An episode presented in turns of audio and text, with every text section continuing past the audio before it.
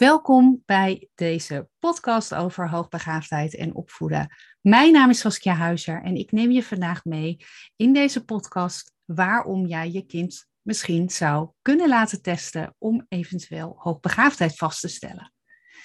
Nou, ik heb verschillende vragen afgelopen week gekregen van uh, luisteraars en volgers uh, die mij de vraag hebben gesteld: Saskia, wanneer zou het nou verstandig zijn om mijn kind te laten testen? En in deze podcast wil ik je daarin al wat tips geven uh, en ook redenen geven waarom het misschien verstandig zou kunnen zijn om ook daadwerkelijk een IQ-test bij je kind te laten afnemen. Nou, misschien heb je mijn e-book al gedownload, maar in mijn e-book staat eigenlijk, staan de meest voorkomende kenmerken uh, van een kind met ontwikkelingsvoorsprong of hoogbegaafdheid. En misschien denk je aan de hand van het lezen van dat boek, hey, ik herken wel een aantal punten en ik zou zo benieuwd zijn, is mijn kind misschien ook echt hoogbegaafd?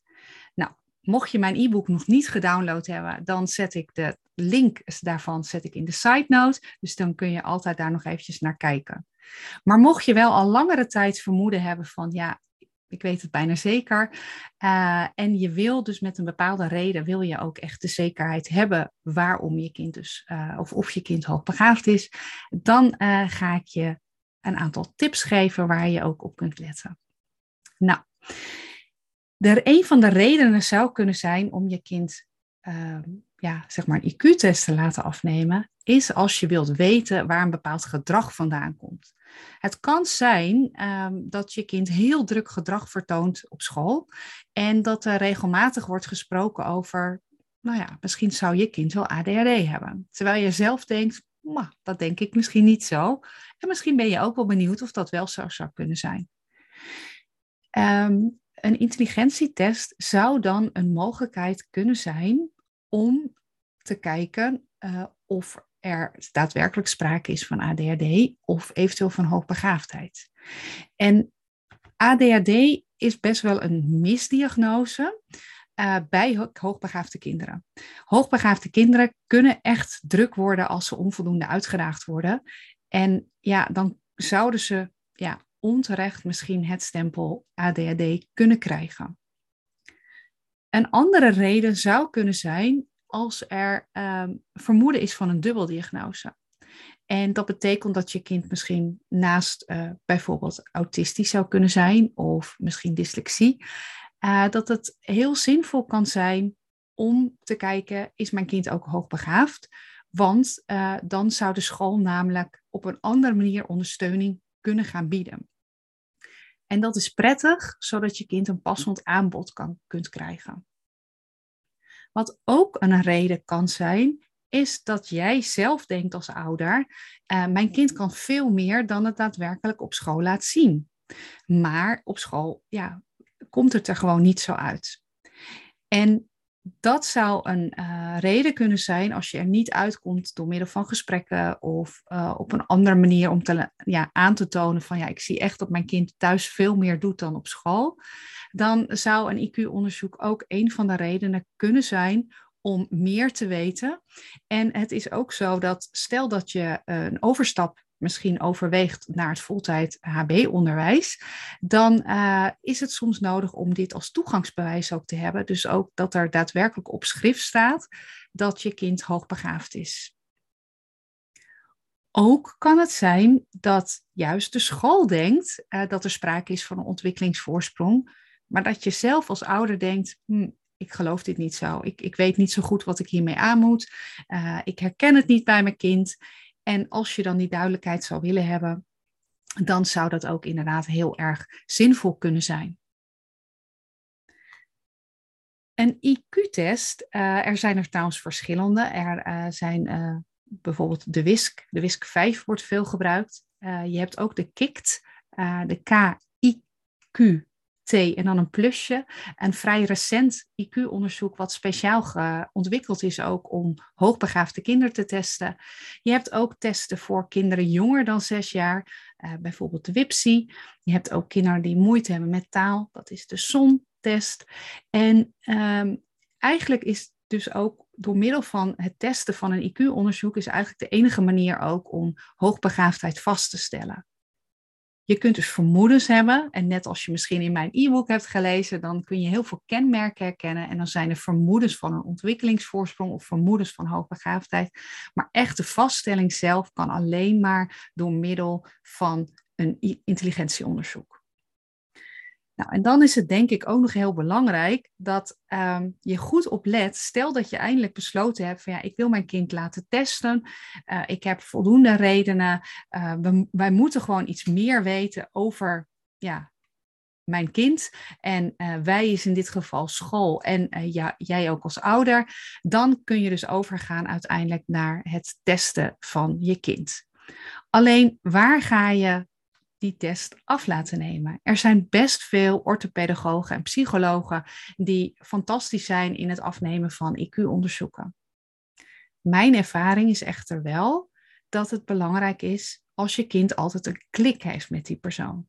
En nou weet je dit natuurlijk nooit van tevoren, want als je iemand uitzoekt via internet of je krijgt een adres doorgegeven van vrienden of vanuit school, dan weet je niet of die klik er is.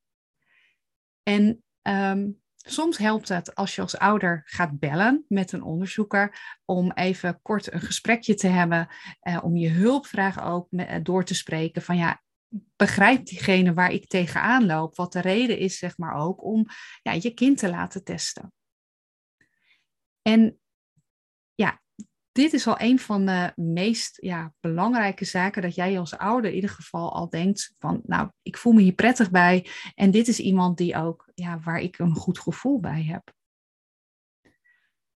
Een andere um, overweging die je ook moet maken, vind ik zelf, is echt iemand die kennis heeft over, ja, die iets weet over hoogbegaafdheid. Het is namelijk belangrijk dat degene als hij of zij dus ook kennis heeft over hoogbegaafdheid, dat hij je kind begrijpt hoe hij, hoe hij denkt. En ook dat ehm, hij of zij zeg maar mee kan gaan als je kind het op een gegeven moment moeilijk vindt of wil afhaken, bang is om te falen. Ehm, ja, het toch eigenlijk te makkelijk vindt en daardoor denkt, nou, ik geef zomaar wat antwoorden. Sommige kinderen vinden namelijk de testvragen, uh, en zeker als een test oploopt in moeilijkheid, kunnen ze namelijk, uh, vinden ze te eenvoudig. En dan kunnen ze ook gaan afhaken bij, ja, bij deze test. En ik heb een voorbeeld hiervan ook. En um, dat is eigenlijk dat een uh, jongetje werd getest door ook echt een hele goede orthopedagoog. maar zij had wel wat minder kennis over hoogbegaafdheid. En zij ging de test ging zij beginnen met, uh, met dit jongetje. En uh, nou ja, hij deed gewoon heel lekker mee. En uh, uiteindelijk kwam er echt een, een mooi resultaat uit. gewoon echt meer dan gemiddeld begaafd. Maar ouders konden zich toch niet helemaal herkennen op de een of andere manier in de uitslag.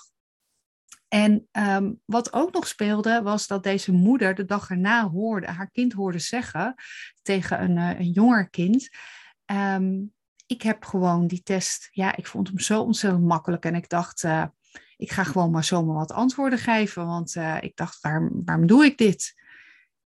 En um, deze ouder had dat gehoord. En met uiteindelijk de uitslag ook van de test dacht ze van, dit klopt niet helemaal. Het is, mijn kind heeft zich denk ik toch anders voortgedaan.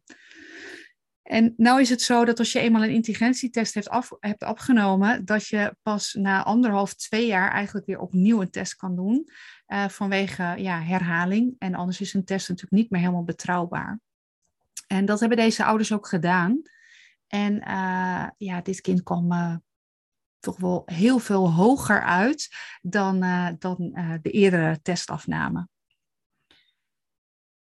Een aantal andere tips en uh, nou ja, je, je luistert nog steeds zeg maar, naar de podcast van moet ik mijn kind wel of niet laten testen. Uh, maar misschien ben je als luisteraar ook wel benieuwd van ja, wat zouden dan nog meer aandachtspunten kunnen zijn? Nou, ik ga er hier nog een paar uh, noemen inderdaad.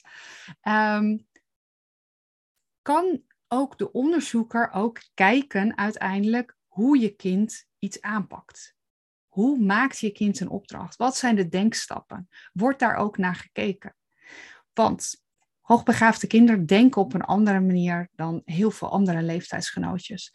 En het is fijn om te weten hoe een kind een opdracht aanpakt.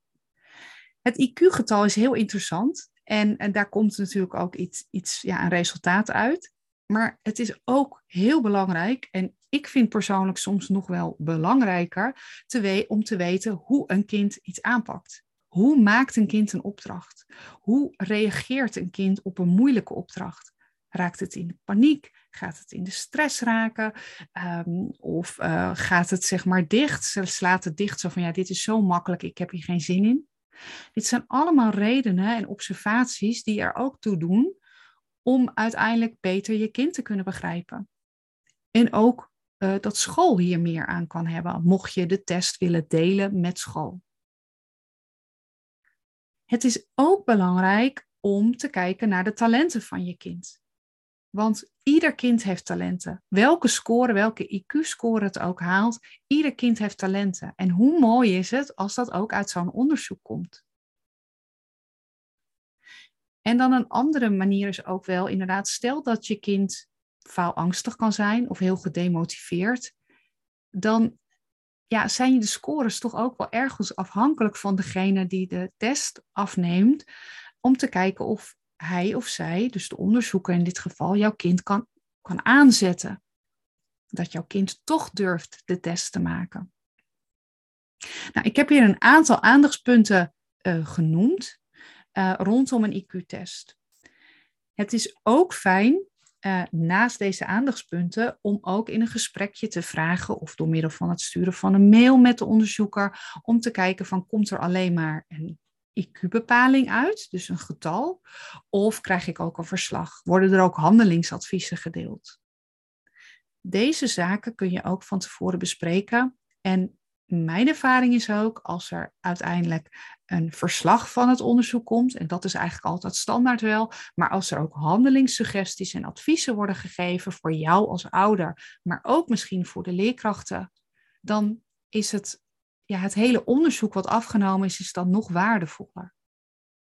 En met name voor je kind ook.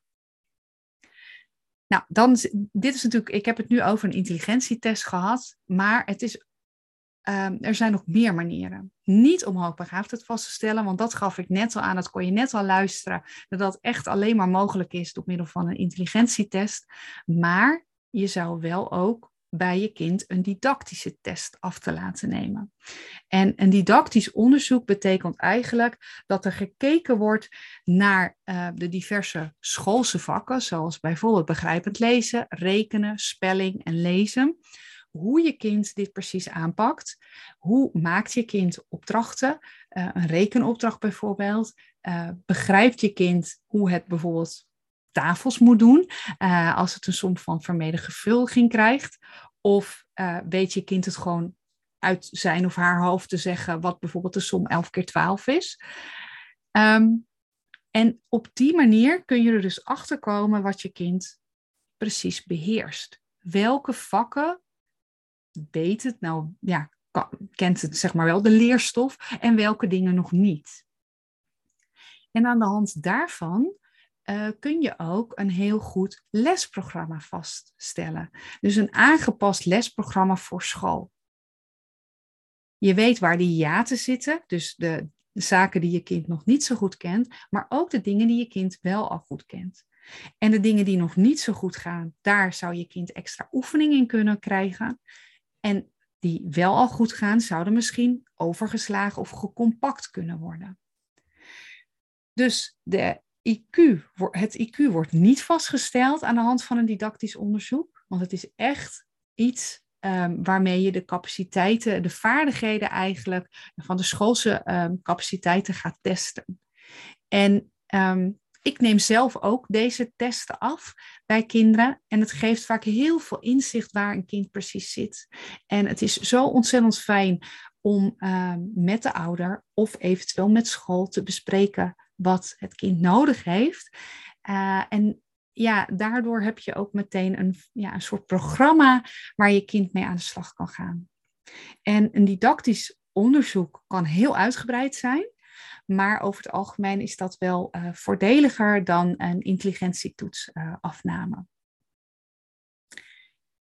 Nou, ik heb in een uh, kort tijdbestek heb ik verteld van waarom het misschien voor jou als luisteraar, voor jouw kind handig kan zijn om jouw kind misschien te laten testen, om een hoogbegaafdheidsonderzoek af te laten nemen.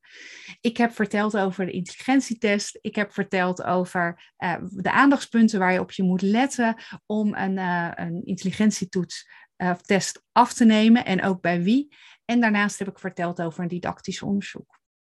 Ik hoop dat je hier iets aan hebt gehad.